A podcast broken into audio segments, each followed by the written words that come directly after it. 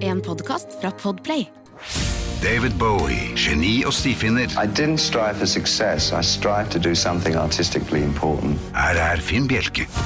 Det var ikke lett å vite hvor David Bowie hadde tenkt seg efter den såkalte Berlin-trilogien og Scary Monsters and Super Creeps-LP-en.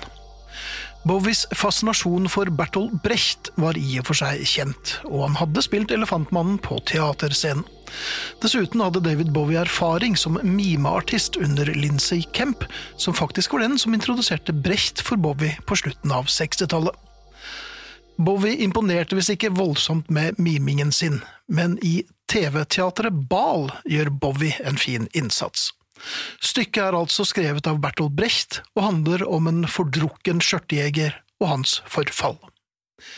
I forbindelse med stykket ga plateselskapet ut en femspors EP som avvek en del fra musikken i stykket.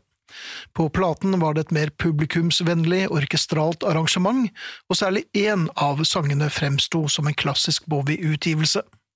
Som på Wild is the Wind fra Station to Station kastet Bowie seg inn i denne tilsynelatende romantiske balladen og gir den et episk løft. EP-en ble spilt inn i løpet av to dager. Bowie kjedet seg lett og brukte som regel aldri mer enn absolutt nødvendig tid i studio. Naturlig nok ble den spilt inn i Berlin, Bertolt Brechts hjemmebane, og det skulle vise seg å være Bowies siste innspillinger i den byen, og også det siste samarbeidet med produsent Tony Visconti på nesten 20 år. Bal ble også den siste utgivelsen på selskapet RCA. David Bowie var ikke lenger fornøyd med selskapet og hadde signert en avtale med selskapet EMI.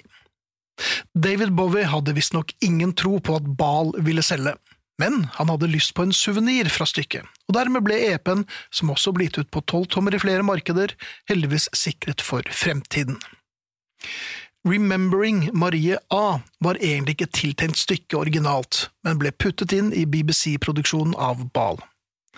Den erstattet Brechts burleske hyllest til toalettet. Det som tilsynelatende virker som en romantisk ballade, starter som forventet, men Bal, som hopper fra kvinne til kvinne, later som om dagen med Marie A ikke betød noe som helst. David Bowie synger med en innlevelse som godt kan tenkes å være falsk, men som likevel er svært betagende, og Dominic Mulvaneys arrangement gjør denne fotnoten i David Bowies diskografi til en bittersøt ode til kjærligheten.